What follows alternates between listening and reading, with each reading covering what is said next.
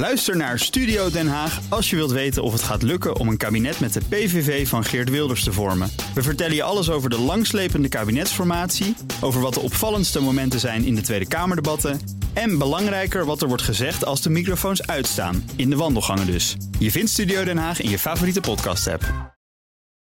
Tech Update.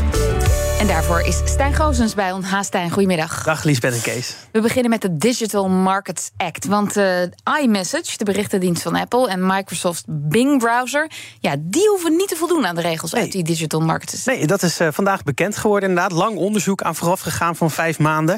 Het gaat om de nieuwe Europese wetgeving die als doel heeft om het speelveld voor concurrentie wat gelijker te maken.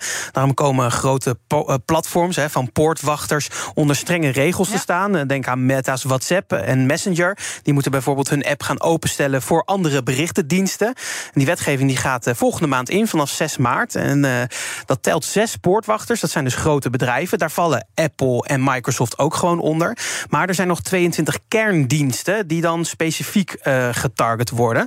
Ehm, en in dit geval gaat het dan om ehm, um, de iMessage en Bing. En die zullen dat niet gaan zijn. Oké, want die zijn niet groot genoeg of zo? Die zijn inderdaad niet groot genoeg. En dat is nog even onduidelijk geweest. Want eh, iMess- of, eh, Apple en Microsoft beweren eh, dat zij inderdaad ja, klein zijn in de EU. En daardoor niet onder die regels hoeven te vallen. Maar ja, in de hele wereld gezien zijn zij gewoon wel een hele grote speler. Dus de Europese Commissie heeft dat de laatste maanden onderzocht. En komt nu tot de conclusie dat het dus niet nodig is.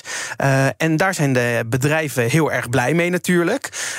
Ja, en dat komt dus omdat wij hier allemaal WhatsApp gebruiken en Google als Wij zitten zoekbrowser. niet zo op iMessage, hè? Tenminste, niet zoals in Amerika. Nee, precies. Eh, en eh, ja, nou, het zal, eh, zal merken wat dat uiteindelijk gaat betekenen.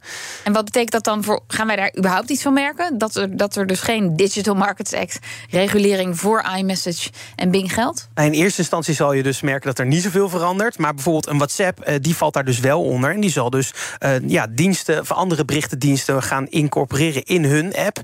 Dus dat wordt voor ons een verandering. Of je dat Kan nou leuk vindt of niet. Ja, het is optioneel. Dus dat hebben ze al aangegeven. Het komt in een aparte inbox eh, binnen die app. En je mag zelf kiezen of je dat aanzet of niet. Gelukkig waar, want er zijn ook mensen die dat helemaal niet zien zitten.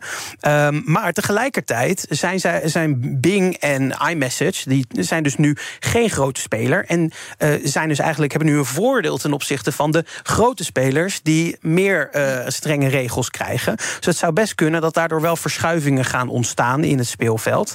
Maar nogmaals, hè, Microsoft en Apple ontkomen niet aan die Digital Markets App... met hun andere diensten. Zo moeten bijvoorbeeld Apple moet de Safari, hun eigen browser... en de App Store wel open gaan gooien. Waardoor binnenkort eh, ook andere App Stores op iOS te, te vinden zijn. En eh, Windows dus van Microsoft zal ook eh, aanpassingen krijgen. naar En de daarbij, er wordt heel veel AI in Bing ge- gestopt. Ja. Wat als dat straks de, de grote zoekmachine wordt over een paar jaar... dan valt het natuurlijk wel weer onder die digital Ja, het is natuurlijk, uiteindelijk kan het veranderen. Eh, maar tegelijkertijd, de afgelopen maanden eh, dachten we ook al dat dat zou gaan groeien. Heeft eigenlijk heel weinig impact gehad. Dus of dat de komende jaren wel zo zal zijn, dat is nog maar de vraag. De Verenigde Arabische Emiraten, ja, daar denk je misschien niet 1, 2, 3 aan, maar dat, dat, die vormen de perfecte plek voor AI-experimenten. Tenminste, dat denkt Sam El- Altman van OpenAI. Ja, Sam Altman die noemt dat de, een regulatory sandbox. Eh, de perfecte plek om te gaan experimenteren als het gaat over AI-regulering. Dus AI-regels. Dat zei hij in een speciaal gesprek samen met de AI-minister van dat land. Eh, Altman eh, die is in wezen gewoon op zoek naar een plek waar hij zijn eigen Kan uitbrengen. zonder dat er eerst strenge regels op zijn. Om te zien wat dan werkt en niet werkt. voordat het dan re- wereldwijd beschikbaar komt en er wel strenge regels op zijn. En eh, volgens mij willen de Verenigde Arabische Emiraten daar ook heel graag van profiteren. Sam Altman is sowieso een beetje aan het flirten met dat land. Want hij zoekt ook 7 biljoen dollar aan investeringen. 7000 miljard dollar is dat. Heel veel geld. En dat is hij eh, aan het zoeken voor zijn AI-chips die hij wil ontwikkelen. Voor nog krachtigere kunstmatige intelligentie. En je zou wel kunnen zeggen dat AI dan een beetje de nieuwe olie wordt. Want de Verenigde Arabische Emiraten zijn natuurlijk nu groot in olie. Daar komt al dat geld vandaan. Maar dat zou zomaar dus naar AI kunnen stromen. AI, ja, nou, wie weet. Eh, geen regels vooralsnog dus die Sam Altman eh, in de weg zitten. Tenminste, dat denkt hij. Nee, hij is er in ieder geval naar op zoek waar het zo min mogelijk schuurt voor hemzelf. Dankjewel, Stijn Goosens. De BNR Tech Update wordt mede mogelijk gemaakt door Lenklen. Lenklen. Betrokken expertise, gedreven innovaties. Bij BNR ben je altijd als eerste op de hoogte van het laatste nieuws. Luister dagelijks live via internet. Bas van Werven. En heel langzaam komt de zon op rond dit tijdstip. Je krijgt inzicht in de dag die komt op BNR, het Binnenhof in Nederland en de rest van de wereld. De Ochtendspits. Voor de beste start van je werkdag. Blijf scherp en mis niets.